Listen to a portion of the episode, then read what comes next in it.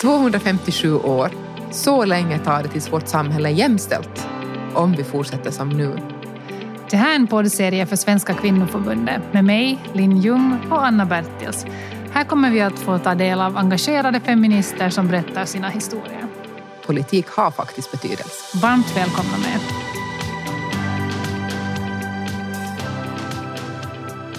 Med oss idag har vi Elina Sani Ollikainen. Välkommen. Tack så mycket. Vad ska vi Anna prata om idag?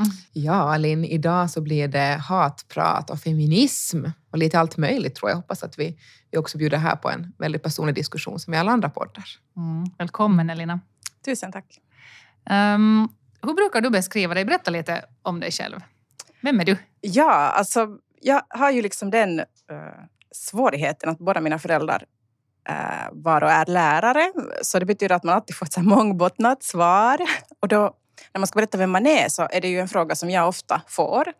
Därför att jag inte ser uh, typiskt finlandssvensk ut. Och, du har svarat på varifrån kommer du väldigt ja, många gånger. väldigt många gånger. Och sen kanske också för att jag pratar flera språk. Så till exempel när jag pratar spanska så blir folk sådär, men vänta, alltså vilket land? Du får inte ihop det här. Nej, du får inte ihop det. Det är liksom svårt pussel. Och, och jag minns när jag var med i några paneldebatter uh, i riksdagsvalet så då presenterar jag mig själv på det sättet att jag frågar att, att i publiken att finns det något Sjundeåbor och finns det något Grankullabor och ville på det sättet knyta mm. an till att, att jag är helt finlandssvensk. Uh, men kort och gott kan jag väl säga att, att jag har förstås flera roller som många av oss. Jag är förälder, uh, jag jobbar med forskning, um, jag är gift, uh, jag är en tidigare handbollsspelare. Um, många olika så här roller som jag identifierar mig med. Mm. Uh, och idag är, det här, idag är ja. du här i egenskap av politiker. Exakt. Mm, ja. för du, du kandiderar i det kommande kommunalvalet. Ja. Mm. Hur känns det? Du är laddad? Det känns, det känns jättekul samtidigt som det är en så konstig tid vi lever i. Att, att det här med att bygga upp kampanj så är ett ganska stort frågetecken. Att då, mm. I förra valet var det ju mitt första val och, då var det nytt. Och nu tänkte jag så här, ah, men nu vet jag hur jag ska göra. Och så inser jag att nej, jag vet inte hur jag ska göra. Utan eh, jag har fått bolla ganska mycket med, med min stödgrupp och hemma och med folk. Att, och folk frågar, hur går det med kampanjen? Och, och, och då eh, tänker jag så här att, att det här får lite leva och att man ska vara liksom känslig också inför vilka debatter, vilka frågor som liksom blir aktuella. Mm. Så det gäller att följa med vad som händer och förstås har jag funderat på mina teman och de är liksom klara. Uh, och det kommer en kampanjvideo och det kommer annonser och så vidare. Men, men just det här att, att uh, det som jag upplever nu som jobbigast är att hur jag ska möta människor. Mm. Alltså för, för det är ju lättast, som vi talar här, att, att uh, i uppvärmningen att att eh, det är lättast att möta människor liksom fysiskt. Och då liksom blir den här diskussionen mer levande och, och, man kan lyssna in nyanser. Och det kommer att bli utmanande nu ifall vi gör allt digitalt. Om vi backar bandet lite så här, var har ditt politiska intresse väckts? Mm. Var, var har det, det börjat i ditt liv? Det har nog kommit så småningom. Uh, jag har ett jättetydligt minne från barndomen uh, när jag fick en liten plojknapp och det var presidentvalet då Elisabeth Rehn ställde upp.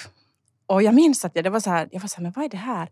Aj, hon är svenskspråkig. Och då blev jag liksom, men tänk, att det, tänk om hon skulle bli Finlands president, att hon skulle driva mina frågor.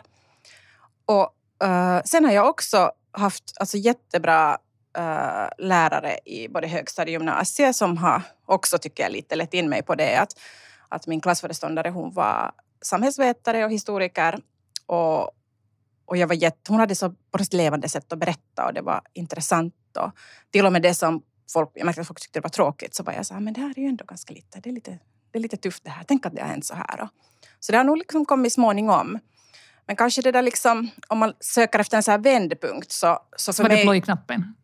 Det var plojknappen, ja. Det var plojknappen. Och nu liksom i vuxna år så var det nog det att, att jag, alltså jag blev helt traumatiserad. Och jag skrev också en insändare till Husis över det att, att helt i mina hemmakvarter så, så det, jag hade firat en trevlig självständighetsdag med vänner och så bestämde jag mig att, nej, men, att nu måste man ju gå ut lite. Att okej, okay, det är mörkt och äckligt och jonazist där, men jag ska nog gå ut på en promenad. Och, eh, och så råkade det sig så att, att jag ska gå över en bro och när jag svänger in på den bron så kommer det ett sånt här demonstranttåg marscherande. Och jag blir så här spänd, för vem är det? Och så börjar jag säga flaggorna och jag blir liksom helt kall och paralyserad och jag hade min ena, min pojke då, jag hade ett barn då under armen och hans cykel under andra och jag liksom kände att nu kom, jag kommer ingenstans, att här är jag liksom. Och det kommer det här tåget med människor mot mig. Och förstås hade jag liksom känt ett så här lindrigt obehag redan tidigare över att, att det här händer i Helsingfors.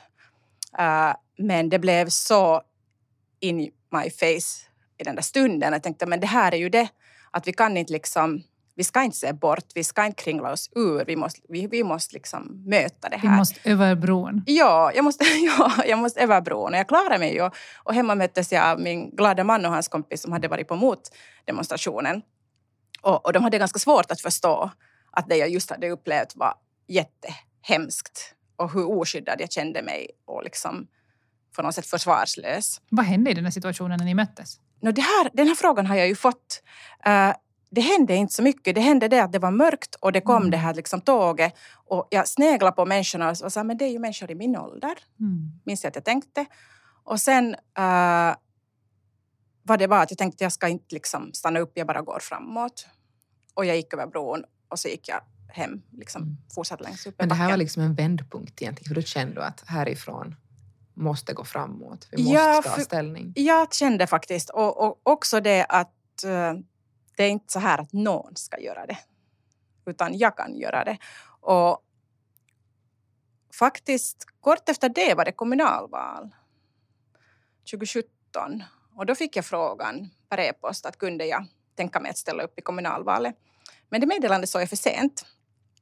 Och när jag skickade in att, att jo, jag skulle kunna komma så, så var det ah, listan har gått in. Nej. Så, så det blev liksom ett sånt här att jag sen efter det funderade om att vi ska se hur, vart går det här och, och det där. Men nu har vi ett nu. nytt val på kommande. Ja, det du, och på ja. den vägen är det. Som du ja. sa för en stund sedan också att nu är det en annan form av valkamp, man möts på olika sätt. Mm. Men vi ser på det här hatpratet, liksom, mm. det som man har kunnat möta demonstrationer. Mm. Hur ser du det på nätet idag? Mm. Hur, hur bemöter man det? För det finns ja. ju där. Och jag, jag träffade nämligen en, en kollega som, som vi pratade om det här med, en som föreläser mycket och sa att, att hon känner sig väldigt oskyddad när hon föreläser för att det mm. kommer hemskt mycket, liksom, kan komma sådana hatprat och det kan komma vilka kommentarer som helst och att man svårt att smälta saker och ting. Och det tror jag att många politiker ser nu också. Ja, så är det. Och också det att um, det kan komma så jätteoväntat. Um, de paneldebatter som jag har varit med i så har det inte förekommit hatprat. Och det tycker jag berättar ganska mycket. Alldeles i en mild grad, men inte liksom sådär, inte så fult och hemskt som det kommer liksom i det digitala. Och uh, det som jag har upplevt är att det kommer liksom privata meddelanden. Att det kommer inte på liksom den här sidan som du upprätthåller, utan det, kom, mm. nej, utan det kommer så här i smyg. Och för mig var det jättetydligt det att uh, jag var med och ordnade Ähm, ett evenemang och det dök upp också människor som jag insåg att nej, men de här stöder ju nog inte vårt parti.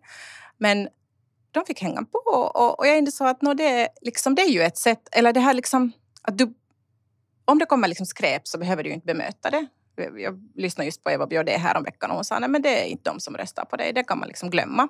Men att också uh, veta att man har rätt skydde och man har rätten att inte behöva vara trakasserad. Och det tror jag att um, är liksom en viktig grej att inse att, att det här är inte... Det här är att motarbeta och det låter jag liksom inte hända utan jag fortsätter och jag gör mitt jobb, det jobb som jag vill göra. Så för mig är det uh, någonting som jag funderar hemskt mycket på i första valet. Jag var ganska orolig för.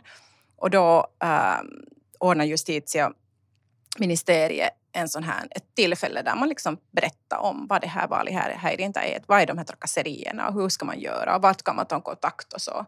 Så att ha den kunskapen är jätteviktig. Och sen förstås att partiet också alltid finns uh, bakom en och stöder en, att man är inte ensam. Mm. Varifrån kommer ditt mod? Var någonstans hittar du det? Ja, no, jag, måste nog, jag funderar hemskt mycket på det här att uh, vad, är, vad, är liksom, vad är den här um, så att säga skydd eller varför känner jag att jag ändå kan göra det här?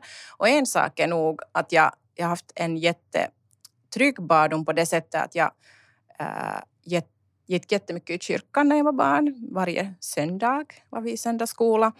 Och jag känner liksom att, att, eh, att jag har nog ett stöd och jag jobbar nog för en bra sak. Så, så illa kan det inte gå. Liksom att jag, jag känner att jag, jag har på något sätt en grundtrygghet äh, som jag in, som inte är så lätt att trycka på. Mm. Mm. Det är jätteskönt att höra, mm. för jag tror att det är många andra som skulle behöva den. Ja. den och det, därför tror jag ja. att det är bra att man, man lyfter det också och pratar om att varifrån kommer det här. Mm. För det var ju mm. väldigt olika bakgrunder. Det finns någonstans, som du sa, för din mm. del kan det varit att du fick en, en, eh, ett stöd i kyrkan och, mm. och för någon annan kan det vara något annat. Men att det finns någonstans där i ryggraden. Ja, och sen tänker jag också på att jag fick nog vara med på en massa olika ställen via min mamma. Hon, hon vad heter det, volontärarbetade så här och, och, och var i massa miljöer som, som var lite annorlunda. Var lite liksom...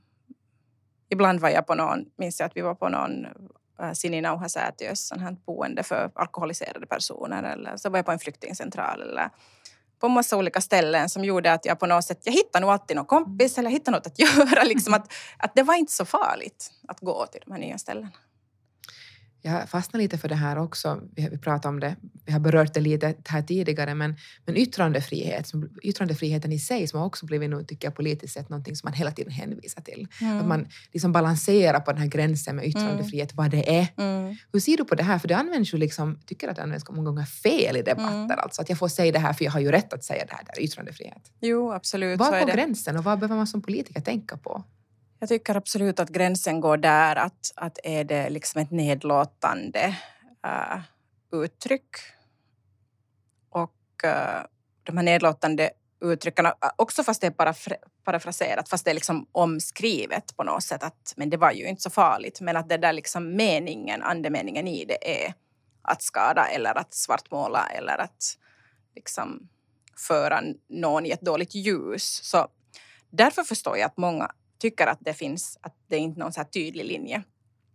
Men, men jag brukar faktiskt reflektera ganska mycket på om jag skriver någonting som är där det finns en sån här laddning eller på något sätt att, att jag tänker att om, om någon skulle skriva så här om mig, att hur skulle, om, jag, om jag är den person som nu blir skriven om, att hur skulle, jag, hur skulle det kännas för mig, hur skulle jag ta det? Och man måste ju klart kunna få säga saker, det är liksom inte frågan om det.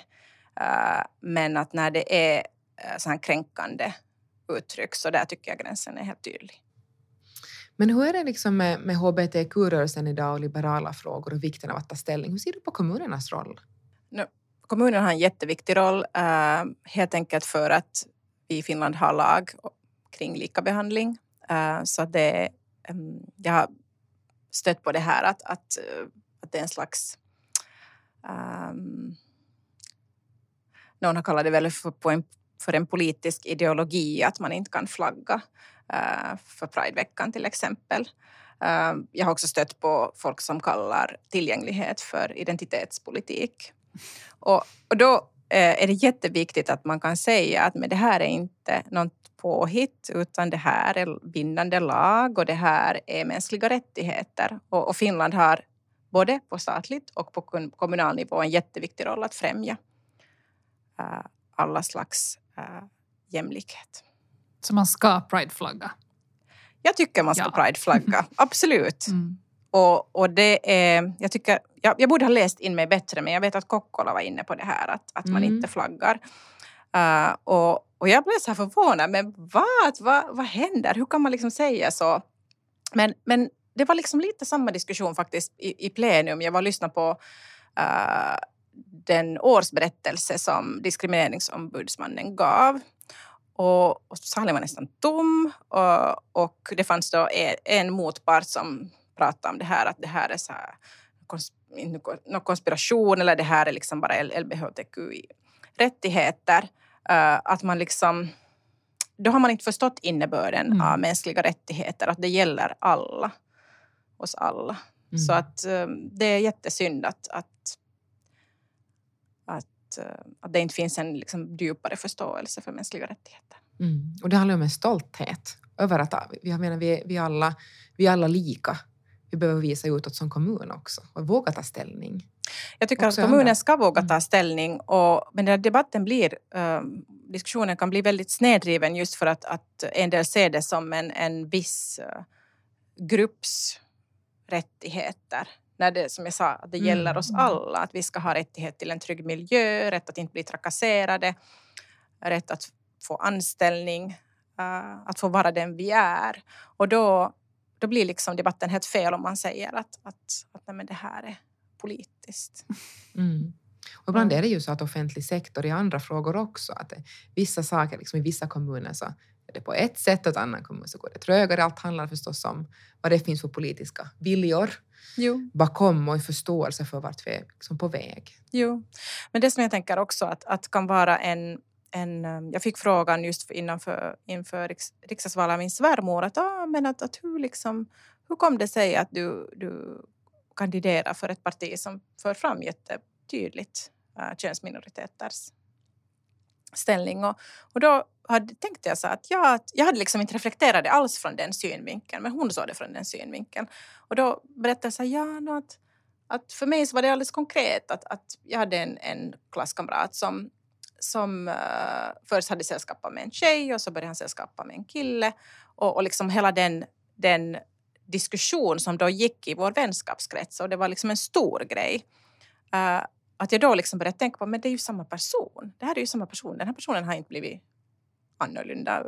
Liksom det, det, allt det som för mig var allt som för det var samma person. Uh, och samma en person i, i vår släkt som, som på 30-talet hade uh, rest till Berlin. Och, och det sätt som man talar om, ja men han var säkert liksom homosexuell. Och, och, och så, men, ja, jag skulle gärna vilja höra mer om farbror Walter. Liksom, att, Mm. På något sätt att, att, att de här fördomarnas... Jag upplever att det har alltid varit liksom fördomar som har varit den där grunden till att man har, har kanske frågat så eller varit... Mm, ja. Och, och, och, lite samma med den här liksom kommunalgrejen att, att, att det känns också så tydligt att det är fråga om en fördom. Mm. Det är vad det är frågan om. Mm. Och liksom på något sätt säga ut det att ja, men då är vi en fördomsfull kommun om vi inte kan se till bra att vi sagt. kan... Det var Ja, men sagt. ja, då är det liksom... För mig är det klart och tydligt att så här är det. Jag tycker själv när man har varit med i de här debatterna kring just hbtq och man har Mm. pratat om rättigheter och Mm. så har jag, jag vet inte om, om, om det är så ännu, men jag har ofta hamnat i situationer när jag liksom har fått det som svar tillbaka att du måste tolerera det intoleranta. Ja. Och som du sa, att det finns det här att man, man ska visserligen få säga sin åsikt, men var går den här gränsen för det här kränkande? Och det är det här, Mm. den här balansgången som jag tror att, att vi kanske tydligare än någonsin ser nu när man börjar Mm. använda skriven text mer, för det blir så Mm. tydligt när man läser det. ja. Det är en annan sak att säga ibland i debatter, för det kan liksom fara ur någon, någonting. Ja. Men du börjar se skriven text nu. Och det här ska bli intressant att följa med också i det här valet. Mm. Jag håller med. Och, och jag läser faktiskt jättemycket kring de här Ehm, LBHTQ-frågorna just i kyrkpressen till exempel. För där är det ju väldigt tycker jag, intressant att, att det finns så många olika synpunkter och det handlar om liksom hur man har tolkat Bibeln och så här. Uh, och jag, jag tycker det är jättebra och fint att den debatten går. Um, och det är ju det som är på något sätt det här att vi ska förstå den andras synpunkt och vi kan liksom brukar pra- tala om att man liksom sätter sig i den andra, den andra människans skor, att man en stund liksom tänker att hur, men hur är verkligheten för den personen? Och då tänker jag på till exempel giftesmål. Att uh, uh, är det nå- någonting som, om du känner att du inte hör till för att du är annorlunda på något sätt så kan det vara ännu viktigare att du får göra det som alla andra gör. Det som är Mm. liksom en institution eller det som är... ehm, så ja, jag tror det är jätteviktigt att, att vi på något sätt pratar. Vi inte slutar prata, vi slutar inte skriva men att vi gör det i en respekt, på ett respektfullt Mm. sätt. Jag måste nog återgå till det som du sa här, att man måste, vi måste tolerera de intoleranta. Mm. Som du sa. intressant. Ja, men vad svarade du då? Tänkte jag. Vad, vad? Det här var ju första gången kanske för 10-15 år sedan. Så jag minns att Mm. den här debatten gick het. Mm. Och då Ja. blev jag så perplex på något sätt. För jag visste vad jag skulle svara. Jag minns ännu den Mm. här stunden Ja. när jag fick den här utskällningen och sa att du ska inte komma än, du ska förstå det här att, att du ska tolerera också. De Jo, och, och, och i Mm. sig som du sa, men när det går Mm. på gränsen till kränkande. Mm. Och nu har vi kommit in i en, en, vi är inne i en ny tid. Nu har vi en, digitala, Mm. en digital valkampanj där det just handlar mer om skriven text. Och det ska vara Mm. så fint att följa med en också. Att var, hur Men det är ju så balanserar definitivt folk? när Alltså, man det är så skriver också. Och det, Och allting kan Ja. screenshotta, screenshotas och användas mot dig i efterhand. och det här brukar vi ju Mm. säga åt, åt de som vi, vi handledare också Mm. många gånger i kommunikationsträningar. Att Mm. Kom ihåg att det du liksom lägger på den här texten det ska tåla att tryckas och ses från olika håll. Kom Ja. ihåg att du är ansvarig för texten. Mm. Så är det. absolut. Mm. Och det är ju, det här ansvaret är så viktigt och, och där jag ville skriva till exempel om det här att det skulle vara viktigt att man i riksdagen uppmärksammar den här att det är respektfullt, den här kommunikationen. Och då måste jag ju fundera just att hur skriver jag det här liksom på ett respektfullt sätt? Att hej, att ni borde se på hur ni kommunicerar i riksdagen. Uh, för för mm, ganska många politiker upprepar också det här att, att, att uh, ja, man måste ha liksom hårt skinn på näsan för att tåla det här. Och det är nog mm. så mycket trakasserier och de måste vara slut. Och vi har ju alla en roll i den där diskussionen. Mm. Så att det bör gälla att starta med sig själv. Ja, det gör det. Sen fostrande rollen för sina egna barn också. Att man mm. lär. Och på något sätt tycker jag många gånger att barnen idag liksom, de är väldigt medvetna ganska tidigt om det här. Det är nästan så att det här, jag skulle säga att det är vuxna, äldre varianter, som man tänker mm. att det är här som man alltså inte har fingret på. Som, som inte har fått den där, eller som inte har fått den där liksom medfödda fostran i hur man att vad är okej okay och vad är inte okej? Okay? Mm. För man är så pass bra i småbarnspedagogik idag också. Ganska tidigt för man ju in det här mm. samtalen. tala om känslor. Och... Ja. Men du är ju kvinna, du är i offentliga debatter, du tar ställning. Hur, hur, det här, hur upplever du den rollen? Du pratade om roller här i början också, att du har olika roller. Ja. Kvinnan i den offentliga debatten som tar ställning. Jag tycker ju att för tillfället är det väldigt roligt att vara kvinna och delta i den offentliga debatten. Att, um, uh, vi har jag tänkte då när det, liksom, när det blev ny regering och, och, och de här bilderna spreds och vi såg att det är kvinnor på en lång rad och liksom, jag kände ju en enorm stolthet för Finland. Uh, och en glädje att jag också hade varit med på ett hörn fast jag inte blev invald. Så kände jag att men jag har ju ändå också varit med i debatten och diskussionen.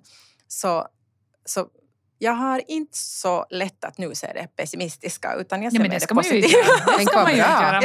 Vi behöver inte problematisera allt nej, heller. Nej, ja. absolut. Det är ju mm. roligt om man ser att det går framåt. Att du, mm. Det är ju fantastiskt om man kan känna stolthet över. Mm. Sen finns ju det här behovet av att nästa generation också ser förebilder.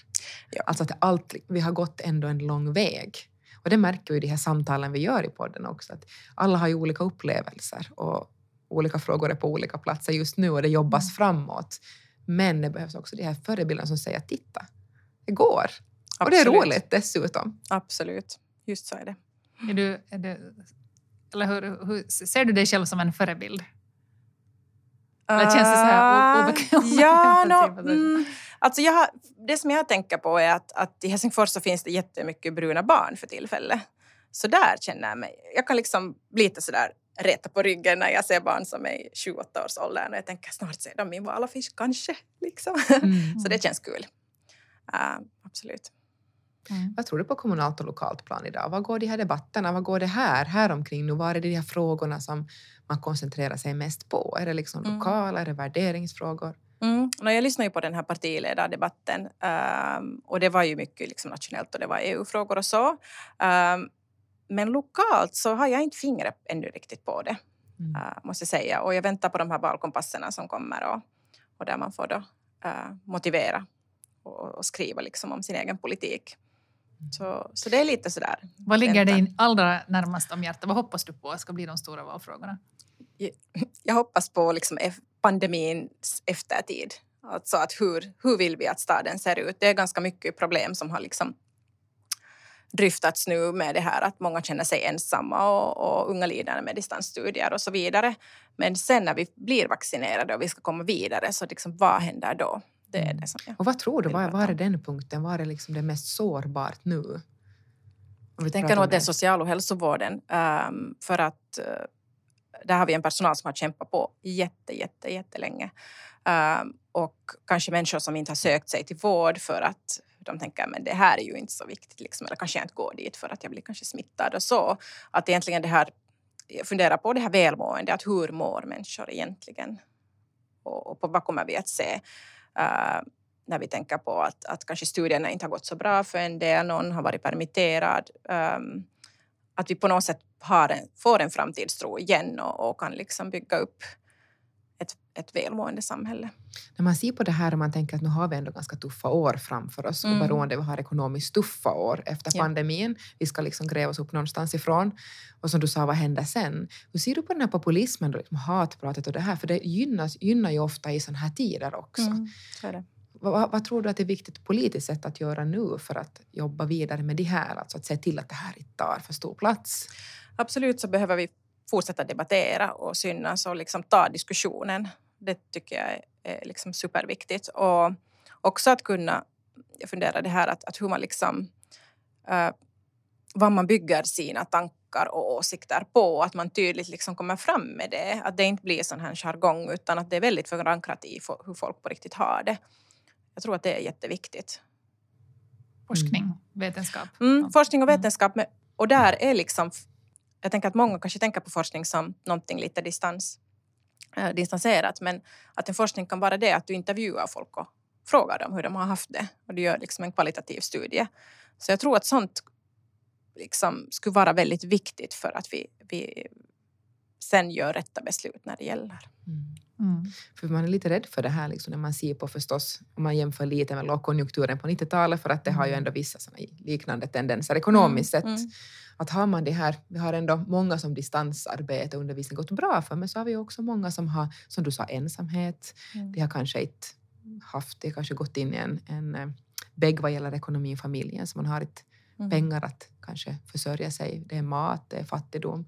Att som jag kanske sa innan att, att det är viktigt att lyssna in folks vardag och hur de har det och att staden och kommunerna också utvecklar tjänster tillsammans med människor. Det vill säga, det finns forskning som visar på det att, att uh, till exempel inom den sociala sektorn så använder vi pengar på sånt som människor inte själva skulle köpa. Uh, och det finns en, en modell som heter personlig budgetering där man då istället för att, att egentligen kommunen visar en viss tjänst på dig, för dig så kan du eh, istället skräddarsy det där stödet åt dig själv. Och det har också visat sig att det sparar pengar. Så vi måste kunna se till olika och nya sätt att göra saker, att inte ha det här stela systemet som inte... Det är ju liksom på gång i Finland men det har inte ännu kommit, alltså förnyelsen av, av social, uh, sociala stöd. Mm. Men jag tror att vi måste liksom ta, lite som vi gjorde det här digihoppet, så borde vi ta ett, ett hopp också inom, ett hopp inom det här, att hur, hurdana tjänster har vi för våra kommuninvånare? Uh, vad kan hjälpa i, i, situationer liksom på ett snabbare sätt och inte glömma heller att människor kan hjälpa varandra. Att allt är inte här liksom kommunala stöd utan att vi också kan supporta varandra när det är svårt. Mm. Ja, det har ju pandemin visat i alla fall, att det finns mycket, finns mycket medmänsklighet. Det finns hoppas absolut. Att den, att den ja. hålls kvar bara under de här åren. tuffa åren som ja. följer här efteråt. Men där är ju är ju jättebra, jag tänker den diskussionen vi har och har haft här nu, man har faktiskt lyfta det här också, att det är viktigt att kunna ta ställning, mm. att det är roligt att ta ställning, mm. som du sa. Ja. Det är ganska få som säger det. Jag tänker att mm. Jag tror jag aldrig själv sagt att det är roligt att ta ställning, men egentligen är det ju det. Mm. Visa vägen framåt och det kommer ju att ha en jättebetydelse. Och bemöta hatprat. Också, liksom, också och våga lämna våga... det som man tycker att det här behöver jag inte svara på. Var tar du, Anna, var hämtar du kraft och mod att säga emot struntprat som kommer emot dig? Mitt kanske har kommit med, med åren. Alltså jag tänker tillbaks mitt första val för säkert 15 år sedan så är det nog jättesvårt att bemöta. Jag blev liksom, liksom upprörd, har svårt att smälta. Nu kan jag ännu bli när man får mm. hårda saker som, som kommer då privat eller liknande. Mm. Men nu blir vi bättre på det här ändå, att tänka att, att det jag har i ryggen så räcker. Att jag, mm. som du sa, man har rätt till, att, mm. till sin åsikt och eh, man har en roll i att hålla debatten sansad. Mm. Och sen tänker jag på det här, någonting som jag funderade på när, innan jag kom hit var att, att just de här alla som har gått före en, alltså det finns, det finns en massa fina rollmodeller både nu och sådana som har liksom funnits tidigare och jag tänker just på, på din också politiska karriär, liksom att, vi har, att vi stärks av det här, att vi ser att, att, att tänka att så här var det då och nu har det gått framåt och, och tänk om vi ännu skulle komma dit och, och, och jag såg någon sån här sommardiskussion där någon skrev att det där med drömmar det är liksom vänsterpolitik. och så var jag så här, oj, att, aj, är det så? Mm. För jag jobbar ganska mycket med drömmar mm. när jag jobbar för FDUV och vi ja. funderar på ett drömhem och liksom framtiden och så. Och att det är jätteviktigt att vi tänker, att vi vågar tänka framåt. Du nämnde tidigare Elisabeth Rehn som du hade fått en sån här plojknapp av i, i valet. Ja. Vad, har du andra, vad har du andra för politiska förebilder som du har som du har sett upp till och som har liksom på något sätt banat väg för dig? Nu är det ju faktiskt sådana som har kämpat för svartas rättigheter. Uh, Nelson Mandela till exempel. Uh, där jag har träffat på vissa människor som har sagt jag träffade honom Mm. Sören Lillkung har träffat honom. och min pappa har träffat honom på någon rasismkonferens i Sydafrika. Så här. Uh, så jo, och det finns jättemånga. Uh, också alltså sådana som är i min ålder eller lite yngre som jag har sett att har gått framåt i politiken. Silja Borgarsdotter Sandelin till exempel. Mm. Uh, Runa Ismark som jag, någon var så här, hon är super. Och var så här, vem är hon? Och så började jag liksom följa. Och, mm. och, och, svenska politiker. Så uh, Alice Bah till exempel. Så det finns många, jättemånga. Mm.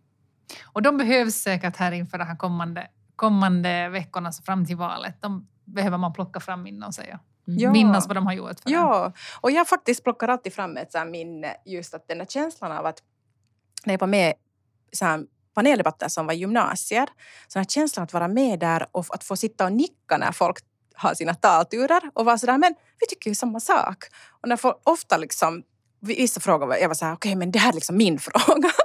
och så fick jag inte svara, det var några andra som var såhär, nå, mm, no, inte hade jag så mycket liksom, att tillägga. Att, att också att se det där gemensamma och, mm. och liksom, att inte alltid um, söka de här motpolerna i allt. Mm. Nej, exakt. Men du sprudlar både av framtidstro och energi. Mm. Ja, fortsätt Absolut. gör det. Ja. tack. tusen, tusen tack hör för, att, för din medverkan här i, i podden och lycka till i din, i din valkampanj. Tusen tack. Det var jätteroligt att vara här. Tack, tack ska ni ha. Den här podcasten produceras för Svenska kvinnoförbundet i samarbete med Svenska kvinnoförbundet i Sörnäs och Svenska bildningsförbundet. Svenska kvinnoförbundet jobbar för en feministisk politik i Finland. Läs mer på kvinnoförbundet.fi eller följ oss i sociala medier. Och kom ihåg, trösta i kommunalvalet. Hej så länge. Hej hej.